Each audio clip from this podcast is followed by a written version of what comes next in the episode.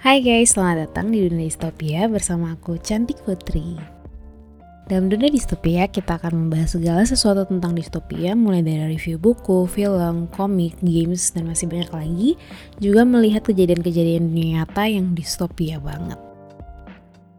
Nah di episode kali ini di dunia distopia, gue akan mengangkat Cina sebagai negara yang banyak kebijakan dan kejadian di sana yang make people frown upon. Hmm, bagi orang luar dan juga segelintir penduduk Cina, Cina bisa dibilang distopia. Simak lebih lanjut biar kalian tahu kenapa guys. Cina yang dikenal dengan ideologi sosialis komunis harus diakui berkembang sangat pesat dan terus melakukan inovasi teknologi. Tapi kayak di novel-novel distopia, menurut gue perkembangan ini take turn for the worse dengan social credit system yang memanfaatkan mass surveillance. Jadi, what is social credit system? Ide ini pertama kali dikenalin di tahun 2007 dan sistem ini digunakan untuk memberikan skor masyarakat lewat kebiasaan dan perilaku mereka sehari-hari.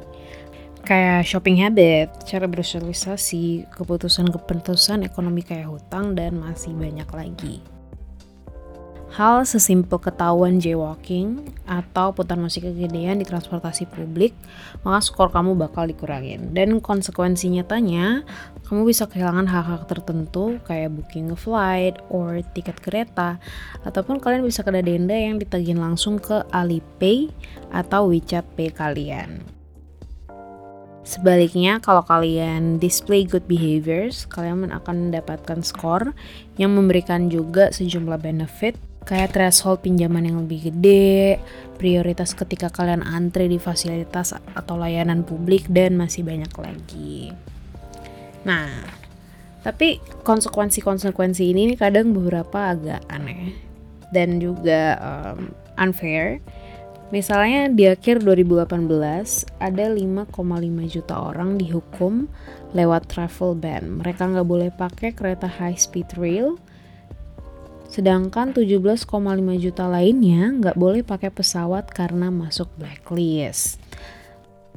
Alasan ditaruh di blacklist ini juga nggak jelas, tapi salah satu media berita, Business Insider, berspekulasi kalau mereka ada di lips tukang hutang. Itu salah satu implikasinya ya guys. Implikasi lainnya juga kalau misalnya orang tua kalian skornya di bawah poin tertentu, anaknya nggak bisa masuk sekolah favorit di region itu. Lebih parah lagi yang skornya jelek atau di blacklist, nama dan fotonya bakal ditampilin, bahkan sampai di LED screen gede yang biasanya ada di jalan-jalan, bisa juga ditaruh di kereta ataupun di movie theaters. Publicly calling them out. Bad scores juga bisa take away kesempatan kalian untuk mendapatkan pekerjaan yang oke okay, sampai juga bisa nyita hewan peliharaan kalian. Kayak di Jinan, pemilik anjing kalau walk their dogs tanpa leash ataupun ngeganggu publik maka anjingnya bakal diambil sama pemerintah.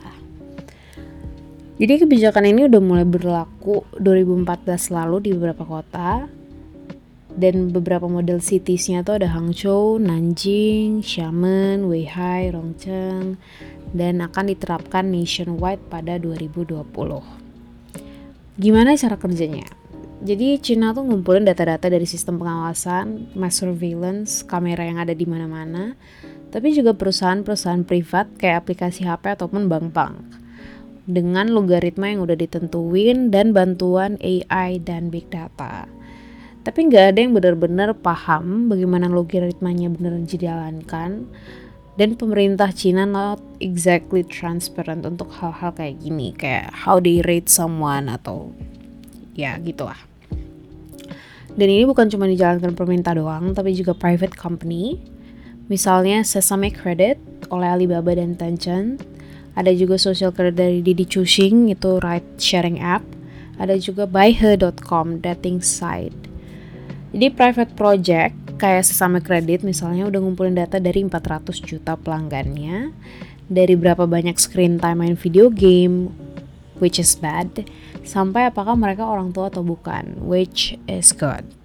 Dan data ini dibagi juga sama perusahaan-perusahaan lain. Salah satunya sesama kredit juga dipakai sama Beihe, di mana orang-orang bisa nunjukin sosial kredit score mereka supaya mereka lebih wanted. Ya gitulah. Tiap individunya juga punya ID-nya masing-masing dan ada website website umum. Kalian bisa pull up credit records kalian Depends to the city, biasanya warga bakal punya skor awal yang poinnya bisa ditambahin atau dikurangin. Tapi modelnya masih berbeda-beda, depends on who run the system dan kayak aku bilang di kota mana. Um, setelah kalian denger ini pasti kalian bertanya-tanya kayak, but why China building this system? Menurut pemerintahannya, ini buat membangun kepercayaan. Di mana quote unquote trust keeping is insufficiently rewarded, the cost of breaking trust tend to be low. Jadi mereka percaya kalau trust keeping tuh sekarang tidak di reward secara cukup dan sedangkan kebalikannya ketika orang break that trust konsekuensinya tuh masih minim. Cuman agak skeptik sih kenapa pemerintah harus bikin sistem kayak gini. Dan well ya gitulah. Ini masalah trust ini juga di uh, apa ya di reinforce sama sosiolog Sang Livan di mana ngejelasin standpoint masyarakat Cina yang masih punya trust issue. Di mana mentalitas mereka selalu ekspektasi bakal dihianatin ataupun bisa aja kena masalah even if they are innocent dan menurut dia ini ada hubungannya sama cultural revolution yang terjadi di abad 20 di mana teman dan keluarga secara sengaja diadu domba dan jutaan orang Cina terbunuh. So in a way, menurut sosiolog ini, social credit system bisa membantu membuat orang Cina jadi percaya satu sama lain. Karena dengan kredit yang bagus, itu bisa menandakan orang itu trustworthy dan sebaliknya ketika kreditnya jelek, that people is untrustworthy.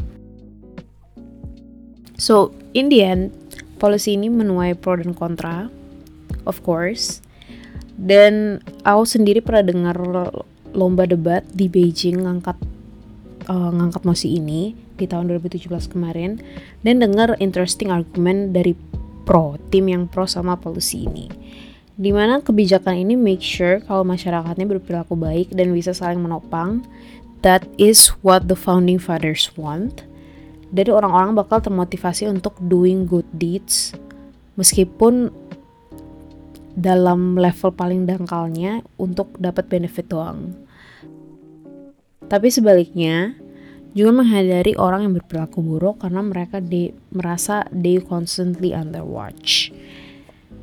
Ya, kurang lebih menurut aku juga, social credit system sama aja sama kode sosial yang udah ada. Di mana kamu juga dapat hukuman sosial tertentu yang bedanya ini lebih formal aja.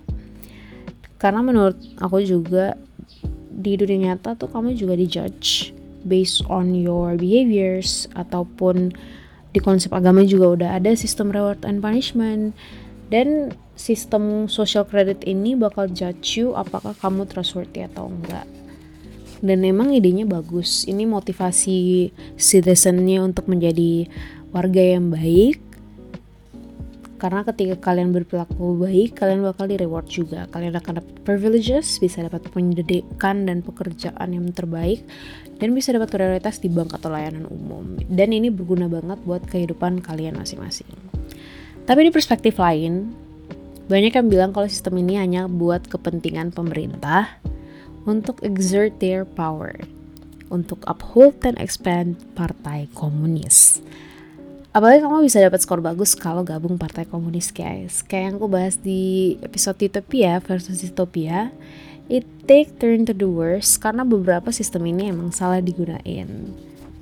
Salah satunya pengecara Lee Shaolin di tahun 2016 ketika dia mau book penerbangan domestik transaksinya tuh tiba-tiba diblok karena dia ternyata masuk blacklisted oleh pengadilan Cina when he checks di situ ditulis kalau dia masuk daftar untrustworthy karena gagal memenuhi perintah pengadilan di tahun 2016. Sedihnya, dia udah di kota lain dan terdampar 1200 mili dari rumahnya.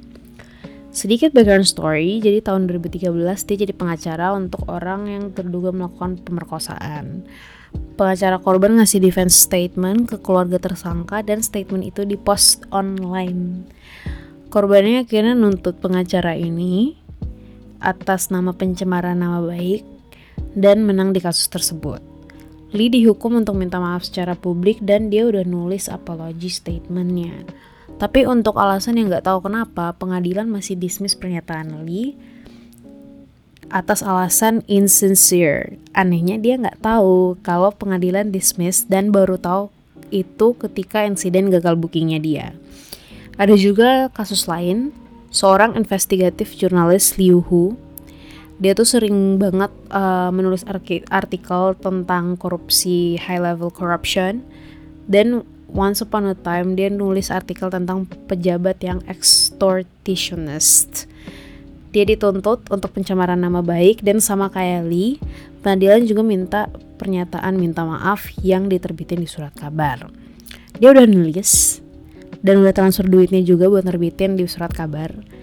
Tapi beberapa bulan kemudian, sama kayak Lee juga, dia tiba-tiba nggak bisa beli tiket pesawat. Dan baru saat itu, pejabat pengadilannya kasih tahu kalau duit yang ditransfer itu belum masuk. Liu langsung transfer lagi biar bisa fulfill the court order. Dalam dua kasus ini emang gak ada yang salah sama pengadilan mencoba negakin perintah pengadilan. Tapi ini agak messed up karena hukuman yang diterima Li dan Liu agak absurd dan gak bertanggung jawab eksekusinya. Pengadilan gak ngasih tahu mereka dan gak ngasih kesempatan untuk memperbaiki kesalahan mereka accordingly.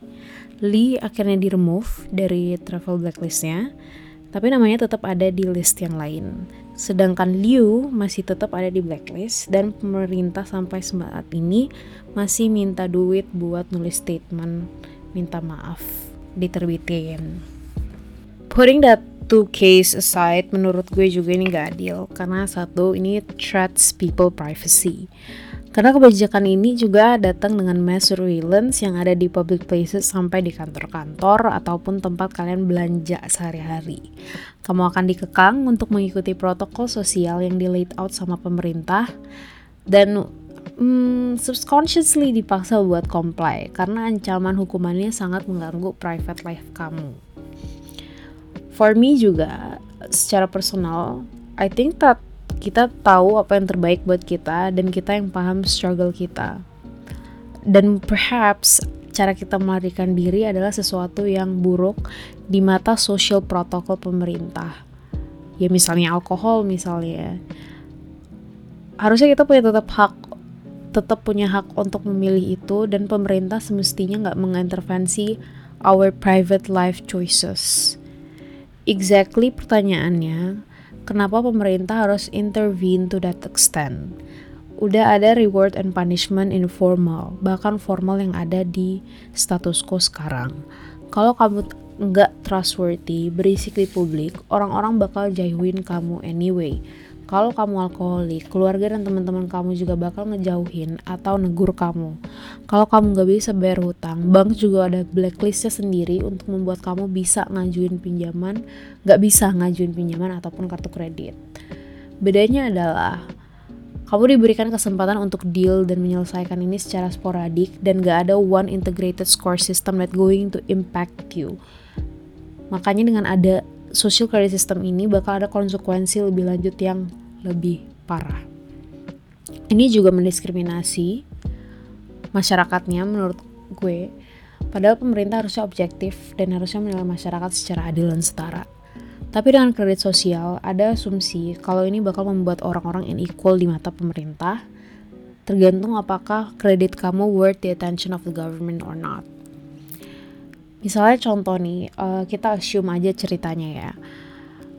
Di mana orang yang ekonomi kekurangan, mereka going through a lot of hardships dan mereka harus ngambil pinjaman.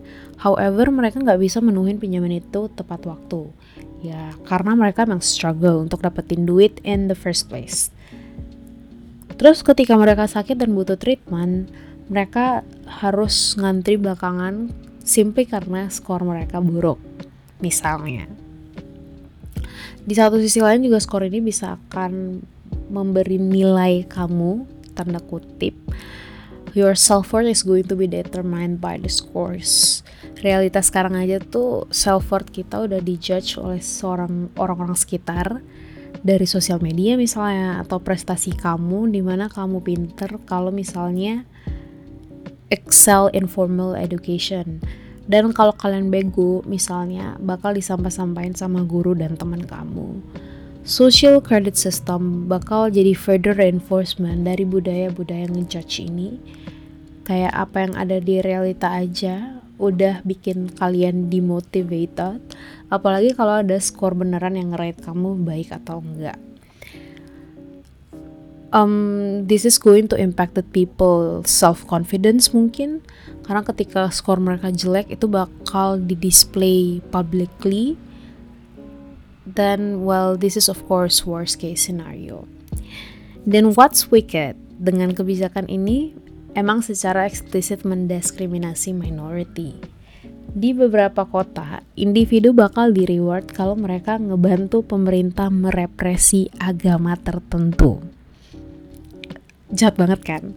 Kayak contohnya nih, if mereka maksa pemegang kepercayaan Falun Gong untuk ninggalin kepercayaannya dan ngelaporin ras Uighur yang berdoa, puasa, atau ngelakuin other Islamic practices, malah skor mereka akan ditambahin. Very weird indeed, dan ini berhubungan sama episode selanjutnya di mana aku akan membahas tentang penahanan Islam di Cina sendiri. Jadi stay tune, jangan lupa subscribe biar kalian dengerin kelanjutan dari episode ini. Udah itu aja untuk episode kali ini. Bye bye, see you guys later.